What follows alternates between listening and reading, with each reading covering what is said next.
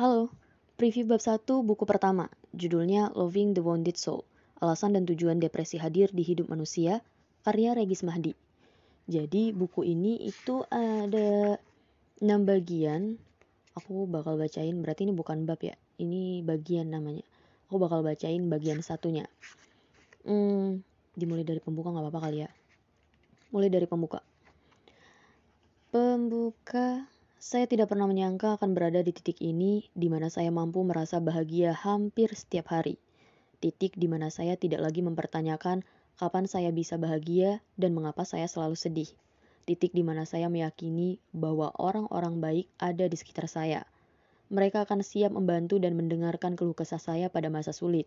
Titik di mana saya mulai menerima segala kekurangan saya. Saya tidak tahu persis kapan depresi mulai membuntuti saya Depresi seolah pelan-pelan menguntit saya. Sejak remaja bahkan depresi telah mengintai saya sejak saya masih dalam masa kandungan ibu.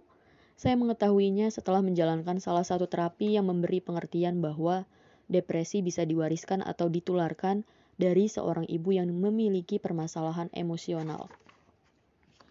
42 kali saya bolak-balik ke psikologi dan psikiater untuk menjalani berbagai terapi agar saya bisa bahagia. Seperti orang-orang pada umumnya, tentu perjalanan yang tidak mudah. Saya sempat merasa sangat lelah. Pada saat itu, saya berada di Inggris untuk melanjutkan studi S2. Depresi saya kambuh lagi. Dokter di sana menyarankan saya untuk bertemu psikiater dan menjalani 9 sesi terapi bersama psikolog. Rasanya sangat memuakkan, hingga selepas keluar dari ruangan sang dokter, saya segera mencari tempat sepi untuk menitikan air mata. Di bangku taman itu, saya berpikir dalam hati, mengapa untuk bahagia saya harus bolak-balik terapi ke psikolog, psikiater, dan minum antidepresan? Rasanya saya sudah tidak kuat lagi. Terapi psikologi bukan sekedar curhat dan ngobrol santai. Ada banyak teknik terapi yang digunakan psikolog untuk membantu klien menemukan akar permasalahannya. Seusai terapi, kadang saya merasa langsung bahagia, tetapi tak jarang saya juga merasa lelah ingin tidur, dan tidak ingin melakukan apa pun. Bahkan, beberapa kali saya mengalami demam ketika terapi yang saya jalani benar-benar membuka luka batin. Tubuh saya tidak kuat menerima pembedahan mental yang dilakukan oleh psikolog. Meskipun efek jangka panjang dari terapi sangat baik untuk hidup saya, menjalaninya adalah proses yang sulit. Orang yang mengalami depresi memiliki pikiran yang sangat kompleks dan negatif. Pikiran mereka seperti benang kusut, puzzle yang tak pernah lengkap, dan labirin tanpa jalan keluar. Mereka mengalami sedih yang tak berkesudahan, lalu pikiran mereka selalu mempertanyakannya. Setiap pengalaman dianalisis, setiap memori kami ingat sebagai luka dan setiap kenangan kami anggap sebagai duka. Kami membungkus diri dalam kesedihan, memenjarakan pikiran kami sendiri dalam kegelapan. Dibutuhkan kekuatan dari dalam untuk berani menghadapi kesedihan itu, Dibutuhkan uluran tangan para sahabat agar kami tahu bahwa kami tak sendiri. Dibutuhkan pertolongan psikolog dan atau psikiater untuk mengurangi benang kusut dalam pikiran kami. Dibutuhkan momen-momen kehidupan yang menampar kami bahwa kebahagiaan itu nyata dan hidup tidak selamanya tentang derita. Saya cukup beruntung karena bisa menarik diri saya keluar dari lubang depresi. Selain itu, saya berkesempatan menempuh pendidikan tinggi di jurusan psikologi dan mengambil gelar master di program Global Mental Health di Inggris. Saya dikelilingi orang-orang yang memahami pentingnya kesehatan men mental. Saya juga dapat mengakses layanan konsultasi dan antidepresan gratis selama berada di Inggris. Tidak semua orang yang mengalami depresi bisa mendapatkan kesempatan itu dan bertemu orang-orang yang bisa menerima kondisi mereka. Saya menyadari bahwa apa yang saya dapatkan adalah sebuah keistimewaan, yaitu menempuh pendidikan tinggi di bidang kesehatan mental, mengalami depresi, mendirikan organisasi kesehatan mental bersama rekan-rekan, dan mampu menyuarakan isi pikiran melalui tulisan. Untuk itulah, saya memutuskan untuk membuka cerita mengenai depresi saya, baik di blog pribadi, media sosial, maupun buku ini. Saya ingin mereka yang mengalami depresi tetapi tidak menyadarinya di luar sana terbantu dengan tulisan-tulisan saya. Selain itu, saya berharap banyak orang semakin menyadari bahwa kesehatan mental adalah isu yang harus kita hadapi bersama. Di satu sisi saya paham bahwa membuka cerita saya pribadi artinya saya harus siap dengan segala stigma yang akan dihujatkan kepada saya. Stigma sebagai orang depresi, cowok lemah, cari perhatian, atau bahkan kurang ibadah tidak akan membuat saya mundur hal ini. Bagaimanapun, selalu ada orang yang akan melihat dari sudut pandang yang 180 derajat berbeda. Saya memilih menjadi sosok yang autentik atau tidak berpura-pura dan tidak malu jika kerapuhan diketahui orang lain. Setiap kali saya membuka perjalanan depresi yang saya alami, banyak orang yang merasa terbantu dengan cerita saya. Ratusan pesan masuk ke kotak masuk saya dari teman lama hingga orang asing yang menceritakan kisah mereka kepada saya. Mereka merasa senasib sepenanggungan dengan saya. Selain berisi cuplikan pengalaman personal saya terkait depresi, buku ini juga merupakan buku ilmiah dari kacamata saya sebagai seorang akademisi psikologi. Saya ingin mem membumikan konsep-konsep psikologi yang terlalu berat dengan bahasa yang mudah dimengerti. Saya ingin orang-orang bisa memahami depresi secara mendalam agar terhindar dari kesalahpahaman. Buku ini bukanlah tips untuk pulih dari depresi, namun saya percaya bahwa memahami depresi secara mendalam dapat membantu seseorang untuk menerima kondisinya. Saya membahas depresi dari kacamata biologi, gen struktur otak, neurotransmitter, dan bakteri, faktor internal, faktor lingkungan, dan faktor spiritual. Proses menulis yang saya lakukan mengajarkan saya bahwa depresi jauh dari kata sederhana. Depresi dialami oleh setiap orang dengan cara yang berbeda. Depresi terkait dengan seluruh aspek kehidupan manusia. Depresi adalah isu kompleks yang menghubungkan kita semua sebagai manusia. Oke, itu pembukanya. Sekarang masuk di bagian pertama. Jadi aku bilang tadi apa? Uh, iya, Bigi, be, aku akan bacain bagian pertama aja. Dan di bagian pertama ini ada dua subbab, ada dua subbagian gitu deh langsung aja. Bagian pertama judulnya memahami kesehat kesehatan mental. Jadi awalnya kita di, uh, diajak untuk memahami kesehatan mental. Yang pertama uh, judulnya stres. Normalkah? Stres adalah hal yang sangat normal dan pernah dialami oleh semua orang. Seperti, ya Allah. Seperti apa respons kita terhadap stres membentuk keadaan kita saat ini, entah tangguh atau rapuh, pesimistis atau optimistis. Stresor atau penyebab stres berasal dari peristiwa yang netral. Respon kita terhadap stresor tersebutlah yang membuatnya bermakna. Sebagai contoh, saat menyaksikan berita sebuah pesawat tujuan Taiwan yang hilang dan jatuh di laut, bisa jadi kita tidak merasakan apa-apa. Mungkin saja kita malah ngedumel dalam hati dan menyalahkan maskapai yang manajemennya terkenal kacau. Hah, hilang lagi. Semoga ditutup sekalian maskapainya, omel kita dalam hati. Namun, ceritanya akan jauh berbeda jika kita mengetahui saudara kita adalah salah satu penumpang dari pesawat tujuan Taiwan tersebut. Tubuh kita akan langsung dingin. Merinding membayangkan saudara kita menjadi jenazah yang tertumpuk bersama ratusan korban lainnya. Kita langsung panik dan was-was, menantikan berita apakah saudara kita benar-benar menjadi salah satu korban. Kita akan berusaha menghubungi siapa pun yang bisa memberikan informasi. Selain itu, lutut bisa menjadi lemas dan dada terasa sesak hingga kita tak bisa bergerak. Dari contoh itu, kita bisa lihat bahwa kejadian yang sama, tetapi keterkaitan diri yang berbeda dapat membuat reaksi kita berbeda. Eustress dan distress. Ketika suatu peristiwa atau kabar sudah kita terima sebagai tantangan atau ancaman, hal atau stresor itu sudah tidak lagi netral karena berhubungan dengan kita. Berikutnya yang terjadi adalah bagaimana stresor yang tidak netral itu kita terima. Ada dua jenis stres yang dikenal dalam literatur psikologi, yaitu eustress dan distress. Eustress adalah ketika stres yang kita terima membuat diri menjadi lebih tangguh, dewasa, dan ahli dalam sesuatu. Contohnya adalah public speaking, yang mengharuskan kita untuk berbicara di depan publik. Berbicara di depan publik bisa membuat orang gugup dan merasa terancam, karena terbayang semua mata audiens tertuju pada kita. Demi mengatasi stres tersebut, kita akan berlatih puluhan kali hingga kita yakin akan kemampuan diri dan siap tampil. Pada akhirnya, kita akan terpacu oleh stres positif itu untuk berlatih dan mengembangkan diri. Berbeda dengan eustress, distress adalah stres negatif yang menyebabkan kita sedih dan merasa tidak berdaya. Distress membuat kita tidak bisa berfungsi seperti biasanya. Misalnya, stres karena pacar memutuskan hubungan secara sepihak, atau kita mendengar pesawat yang ditumpangi saudara kita jatuh dan hilang. Jika kita bisa menganggap semua stresor sebagai tantangan yang mendewasakan, tentu saja hidup akan terasa menyenangkan. Namun, jika menerima stresor sebagai distres yang tak kunjung henti, itu akan menciptakan sebuah kondisi bernama stres kronis yang membahayakan diri kita. Selanjutnya, stres kronis dan kortisol. Bila menyelisik apa yang terjadi pada tubuh manusia saat stres, kita harus mengenal kortisol.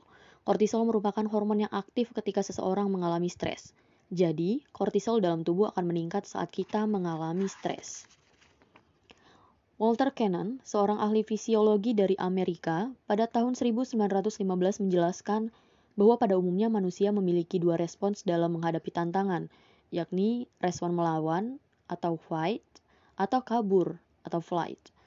Keluarnya hormon kortisol melalui kelenjar adrenal merupakan bagian dari mekanisme respon tersebut.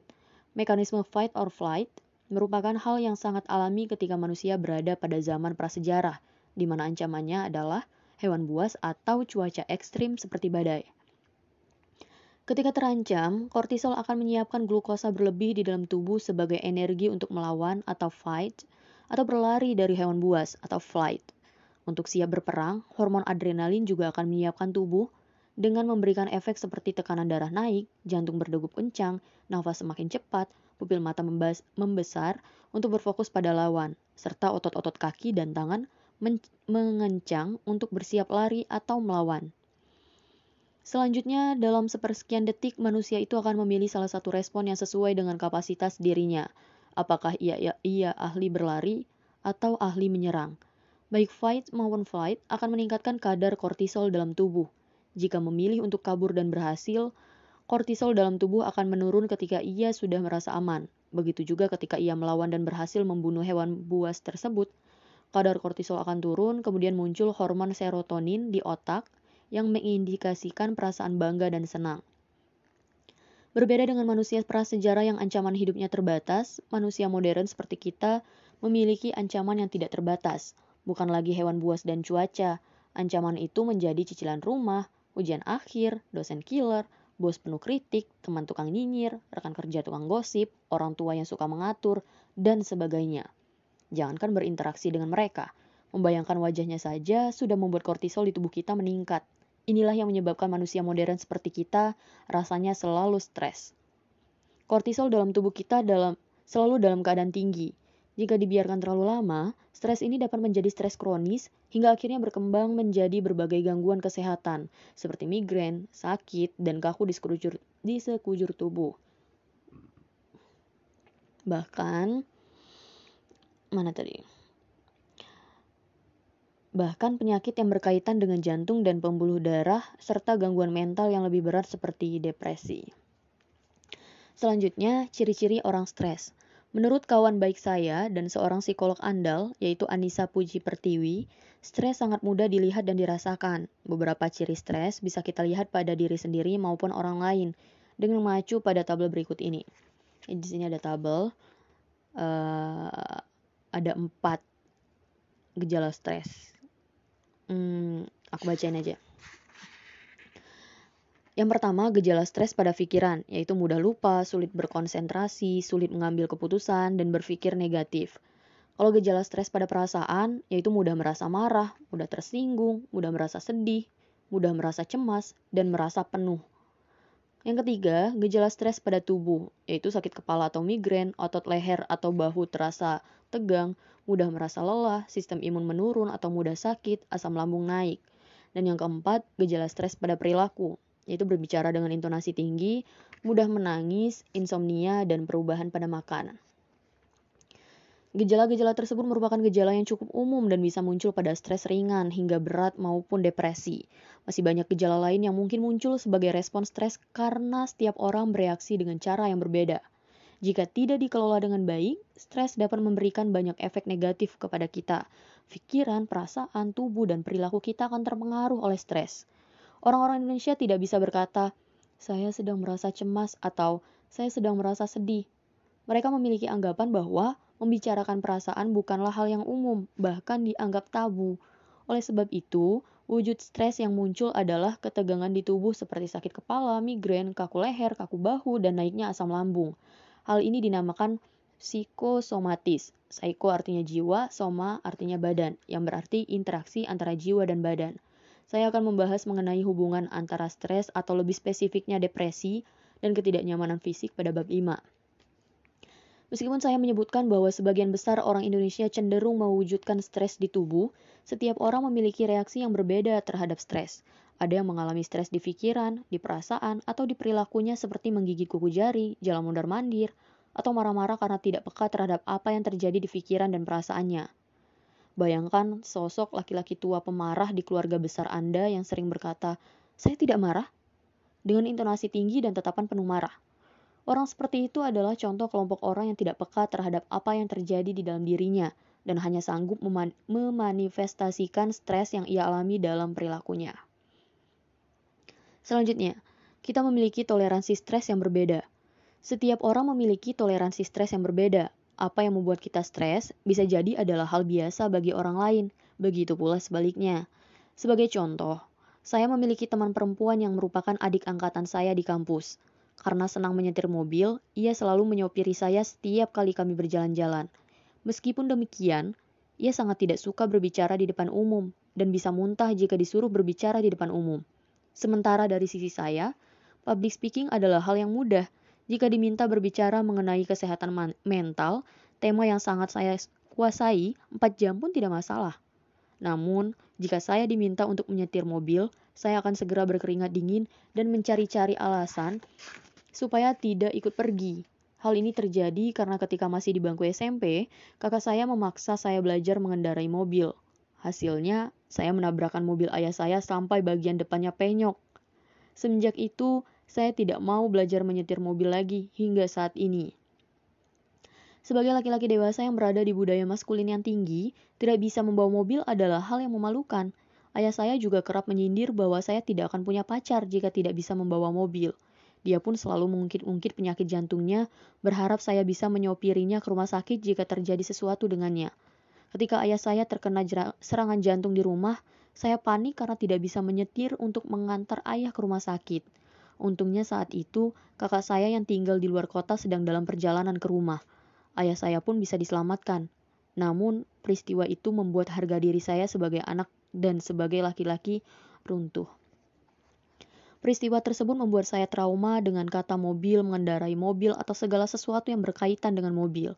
Ketika teman-teman sekantor saya merencanakan liburan bersama dan menyewa mobil, saya langsung merasa mual, panik, cemas, dan takut ditanya apakah ikut dan bisa bergantian menyopir. Akhirnya saya selalu menghindar dan tidak pernah ikut jalan-jalan. Ilustrasi tentang saya dan teman saya tersebut menggambarkan satu hal yang sama tetapi memberi makna yang jauh berbeda pada orang yang berbeda. Public speaking dan menyetir mobil bisa jadi hal yang biasa saja bagi banyak orang. Namun, bagi sebagian orang, dua aktivitas itu bisa membangkitkan kortisol di dalam tubuh atau bahkan memunculkan luka psikologis. Kita perlu lebih peka dengan menyadari bahwa setiap orang memiliki stresor yang berbeda. Kita juga perlu mengenali sumber stres dan reaksi pikiran, perasaan tubuh, dan perilaku kita. Dengan mengenali stres, sedikit banyak kita akan siap memulai perjalanan untuk mengenali gangguan mental yang lebih berat – yang merupakan tema besar buku ini, yaitu depresi. Sebelum menutup bab ini, saya perlu menekankan satu hal yang penting. Meskipun stres terdengar berbahaya, sebenarnya manusia tidak bisa hidup tanpa stres. Ada masanya ketika sesuatu yang dulu menjadi stresor besar, kini tidak berdampak lagi pada diri kita. Mungkin saja suatu hari nanti, saya akan memiliki hobi traveling dengan menyetir mobil sendiri. Mungkin saja teman saya akan berlatih menjadi public speaker andal di kemudian hari. Tanpa kehadiran stres, kita tidak akan bisa menjadi manusia dewasa yang mampu berpikir, merasakan sesuatu, dan bijaksana. Uh, selesai. Oh tidak, masih ada sedikit lagi. Karena tadi bagian satu itu ada dua subbab gitu, dan aku baru bacain subbab pertama, pengenalan tentang kesehatan mental. Dan sekarang yang kedua tentang penyakit mental. Apakah depresi adalah sebuah penyakit? Cuma berapa lembar. Oke lanjut. Depresi adalah penyakit nyata. Pernyataan ini selalu saya sampaikan dalam seminar atau diskusi mengenai kesehatan mental. Depresi, kecemasan, panik, dan bipolar disebut, disebut sebagai mental illness karena memang itu merupakan illness atau penyakit. Kita tidak semestinya mendiskriminasi sakit secara mental dengan sakit secara fisik. Namun, nuansa penggabungan kata sakit dengan mental berbeda dengan penggabungan kata sakit dan fisik. Jika digabungkan, kata sakit dan mental terdengar menyeramkan. Bayangkan Anda pasti akan langsung melayang ke pasien-pasien yang dikurung di rumah sakit jiwa. Padahal, maksud sakit mental di sini adalah ketika kita tidak bisa berfungsi secara optimal sebagai manusia, entah itu karena sedih, bad mood, atau sedang mengalami episode depresi klinis. Sama seperti ketika demam, hidung mengeluarkan lendir, atau ketika ke kaki keseleo, kita akan kesulitan berjalan. Orang-orang akan mengatakan bahwa kita sedang sakit fisik karena tidak bisa berfungsi secara optimal. Jika kita mengalami sakit fisik, orang-orang akan menyuruh kita istirahat. Mereka juga meminta kita untuk menjaga kesehatan, minum air hangat, dan memberikan kata-kata yang menunjukkan kepedulian. Namun, jika berkata kepada orang-orang bahwa kita sedang depresi atau sakit mental, perlakuan yang kita dapatkan amat jauh berbeda. Orang akan segera menjauh, menganggap kita berlebihan, atau mengira kita hanya mencari-cari alasan untuk cuti bekerja. Banyak orang belum bisa menganggap depresi sebagai penyakit layaknya penyakit fisik. Mereka menganggap depresi hanyalah stres berlebih yang dialami oleh orang yang mentalnya lemah. Selanjutnya, benarkah depresi merupakan penyakit? Apakah depresi hanyalah permasalahan psikologis, krisis eksistensial, krisis spiritual, duka mendalam, atau gangguan pada otak? Semua itu bisa benar, bisa juga tidak. Ada banyak perdebatan dari kalangan ilmuwan dan praktisi mengenai klasifikasi depresi. Secara sederhana, depresi adalah kekacauan terkait aspek biopsikososial. Secara aspek secara aspek biologis, depresi terkait dengan landasan gen, struktur otak, dan senyawa kimia yang ada di dalam tubuh. Aspek psikologis disebut karena depresi didasari oleh suasana hati negatif yang berkepanjangan. Sementara pada aspek sosial, depresi terkait dengan hubungan seorang individu dan orang-orang di sekitarnya. Selain itu, ilmuwan psikologi juga menambahkan bahwa depresi juga bisa dilihat dari aspek spiritual, yakni pemaknaan dan tujuan hidup yang bisa selaras ataupun tidak selaras dengan agama. Terkait dengan aspek biologis, depresi dapat dilihat dari sudut pandang biologis atau medis. Sebagian ahli kesehatan mental bersikukuh menyatakan depresi sebagai penyakit medis karena depresi sangat menghancurkan hidup seseorang, bahkan dalam beberapa kasus membunuh penderitanya. Depresi, meskipun seolah-olah hanya kekacauan pada tataran mental, juga memberikan dampak yang sangat besar pada fisik. Dampak seperti mual-mual, lelah, sakit, dan nyeri di seluruh badan, konstipasi, insomnia, radang, imunitas tubuh menurun, bahkan jantung koroner dan diabetes bisa dialami orang dengan depresi. Pada kasus depresi berat, terapi psikologi pun tidak membantu, dan karenanya diperlukan obat antidepresan untuk mengaktifkan senyawa kimia tertentu di otak. Tidak hanya berkaitan erat dengan tubuh, jika dibiarkan, depresi juga dapat merugikan suatu negara secara finansial. Di Amerika misalnya, total beban ekonomi akibat depresi adalah 210 miliar dolar per tahun. Kerugian ini dihitung dari jumlah populasi angkatan kerja di Amerika yang mengalami depresi. Hal ini menyebabkan produktivitas menurun drastis serta absen meningkat. Sebagian kerugian disebabkan oleh beban biaya obat dan terapi yang dibutuhkan karyawan selama episode depresi. Sebagian kecil biaya lain disebabkan oleh kasus percobaan bunuh diri pada karyawan yang akhirnya melibatkan ambulan, rumah sakit, dan polisi. Ketiga hal tersebut berdampak pada fisik, mengacaukan perekonomian, menyebabkan kematian, menjadi alasan mutlak mengapa depresi harus dipandang selayaknya penyakit fisik. Selanjutnya, bagaimana keilmuan medis kesehatan memandang depresi? Istilah depresi merupakan perdebatan yang cukup rumit di antara para akademisi. Dalam panduan klasifikasi resmi gangguan kesehatan mental, depresi klinis disebut sebagai major depression disorder atau gangguan depresi mayor. Perdebatan ini juga terkait aspek bahasa, di mana dalam bahasa Inggris terdapat beberapa istilah yang menunjukkan gangguan fungsi manusia seperti disease atau penyakit, illness atau penyakit juga, sickness, disorder.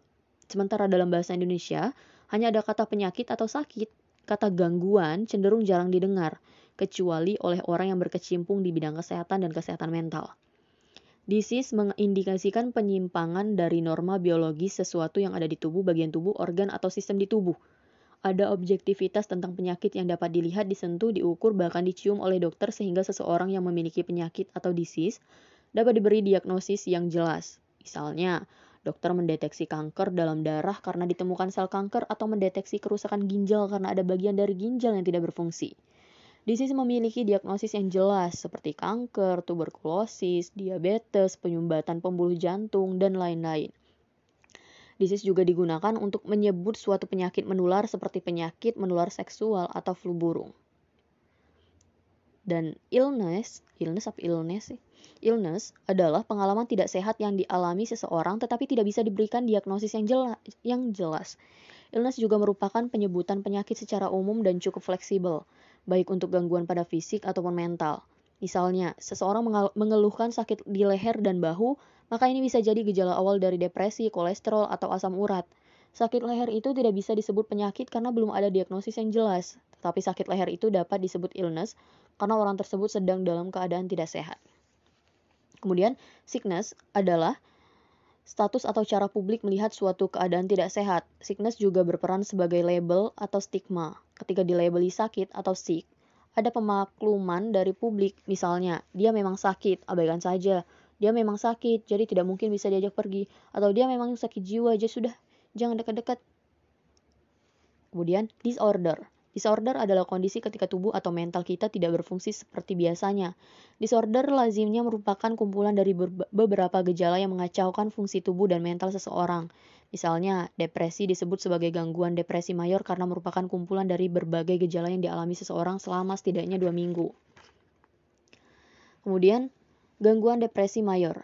Secara klinis, istilah ilmiah depresi adalah gangguan depresi mayor atau major depression disorder Istilah gangguan depresi mayor digunakan karena depresi adalah kumpulan gejala-gejala seperti sedih berkepanjangan, kehilangan minat akan aktivitas sehari-hari, tidak bisa merasakan bahagia, merasa tidak berharga, insomnia, terjadi perubahan pola makan, dan berat badan secara tiba-tiba, merasa tidak berenergi dan bergairah, tidak bisa berkonsentrasi, serta memiliki pikiran tentang kematian atau bunuh diri. Kemampuan gejala ini, hmm, kumpulan gejala ini dianggap tidak nyata dan tidak bisa diamati di tubuh. Oleh karena itu, Istilah gangguan atau disorder digunakan untuk menjelaskan depresi dibandingkan penyakit atau disease atau illness. Namun, tidak sedikit akademisi dan praktisi di bidang kesehatan mental yang memilih, yang memilih untuk menyebut depresi sebagai illness. Illness dipilih karena depresi pada tahap ringan bisa tidak terdiagnosis tetapi tetap, tetapi tetap mengganggu aktivitas seseorang sehari-hari. Selain itu, kata illness juga lebih berat kaitannya dengan penyakit fisik dibandingkan kata disorder. Bahkan depresi juga bisa dianggap sebagai disease karena depresi juga memiliki landasan biologis dari gen, perubahan hormon, dan penyusutan pada struktur otak. Istilah sickness tampaknya tidak terlalu digunakan, baik untuk gangguan fisik atau mental, karena terdengar sangat negatif. Orang yang dilabeli dengan sick, fisik maupun mental, seolah-olah tidak tertolong lagi atau tidak berguna untuk masyarakat. Selanjutnya, menyebut depresi sebagai penyakit. Walaupun secara klinis depresi disebut sebagai gangguan depresi mayor, para aktivis kesehatan mental sering menggunakan istilah mental illness dalam bahasa sehari-hari. Ini karena depresi muncul dari interaksi yang sangat kompleks antara nature dan nurture, faktor lingkungan dan bawaan. Interaksi nature dan nurture ini dapat digambarkan seperti depresi, depresi terkait faktor genetik, volume hipokampus, dan amigdala di otak seseorang serta perubahan hormonal pada tubuh dan pengalaman traumatis terkait dengan hubungan keluarga, pertemanan, rekan kerja, dan romantis. Ketika menyebut depresi sebagai penyakit, dampak yang dihasilkan akan panjang, mulai dari dampak sosial di kalangan masyarakat hingga di level pembuat kebijakan. Contoh sederhana, jika seseorang bisa cuti bekerja karena batuk, pilek, atau demam, begitu pula ketika orang itu sedang mengalami depresi dan memiliki pikiran bunuh diri. Bila seseorang bisa menggunakan asuransi untuk berobat karena fisik sakit fisik, seharusnya ia juga bisa menggunakannya untuk berkunjung ke psikiater atau psikolog. Mari simak contoh berikut. Seorang mahasiswa yang mengalami patah tulang kaki bisa mendapatkan izin untuk mengikuti ujian susulan. Lalu, apabila ada seorang mahasiswa yang tidak bisa berkonsentrasi, tidak memiliki semangat hidup dan hanya memikirkan bunuh diri, apakah mereka tidak boleh izin dan harus mengikuti ujian? Sebagian besar dari kita akan memberikan reaksi dan perlakuan yang berbeda, Orang yang sakit fisik akan langsung kita respons dengan menyuruhnya istirahat, tidak boleh memaksakan diri dan mengambil waktu secukupnya untuk pemulihan. Sebaliknya, orang depresi bisa saja dianggap lemah dan cari perhatian ketika harus izin dari aktivitasnya. Pada situasi sehari-hari inilah, praktisi aktivis dan sebagian akademisi akan mengatakan penyakit mental adalah penyakit, depresi adalah penyakit nyata sementara para praktisi memilih untuk menyatakan penyakit mental sama seperti penyakit lainnya. Kedua pernyataan ini digaungkan agar masyarakat bisa lebih menerima kondisi orang dengan depresi, tidak memberikan mereka stigma yang negatif, serta tidak menganggap depresi sebagai kekurangan atau kelemahan personal. Pada masa kini, edukasi mengenai depresi yang disejajarkan dengan penyakit fisik juga sudah meluas di berbagai media. Dalam film A Star Is Born, ada satu di ada satu dialog menarik yang disampaikan oleh Ellie, yaitu Lady Gaga, kepada suaminya, Jack Bradley Cooper, yang malu karena kecanduan alkohol yang dideritanya. Sebelum sang suami menyampaikan kesedihannya, Ellie memotong dan berkata, "It's a disease," sambil menggenggam tangan Jack. Film itu berusaha mengatakan bahwa kecanduan alkohol juga merupakan penyakit karena memang ada orang-orang tertentu yang lebih rentan terhadap kecanduan. Sama seperti orang yang memiliki asma, alergi debu, atau alergi makanan tertentu di gennya. Orang-orang dengan depresi juga memiliki kerentanan itu di tubuh mereka. Bisa dikatakan bahwa setiap orang memang lahir dengan kerentanan dan ketangguhan mental yang berbeda. Kita tidak bisa memilih seperti apa kerentanan dan ketangguhan yang kita inginkan. Dari penjelasan tersebut dapat disimpulkan bahwa depresi memang sebuah penyakit dan tidak ada satu orang pun yang memilih untuk mengalami depresi. Sama seperti penderita asma atau alergi, mereka tidak memilih untuk mengalaminya. Kita pun tidak akan mengatai mereka dengan kata lemah karena mudah sakit atau sangat sensitif. Karena sudah mengetahuinya, kita diharapkan bisa memaklumi orang dengan depresi seperti orang yang sedang sakit. Dengan demikian, stigma negatif di masyarakat akan depresi dapat berkurang. Selesai. Itu bagian pertama. Uh, jadi kan tadi aku bilang ada berapa bagian sih? Buku ini ada 6 bagian. Dan aku baru baca buku ini tuh dua bagian doang. Dan emang sebagus itu. Setelah mendengarkan bagian pertama, uh, silahkan membaca langsung di buku fisiknya untuk mengetahui secara keseluruhan bagaimana uh, depresi hadir di hidup manusia dan alasan dan tujuannya itu untuk apa. Karena yang nulis itu uh, Mas Regis Mahdi karena dia yang menuliskannya sendiri atas pengalaman pribadinya. Oke itu aja untuk buku pertama. Uh, tunggu buku selanjutnya. Terima kasih. Bye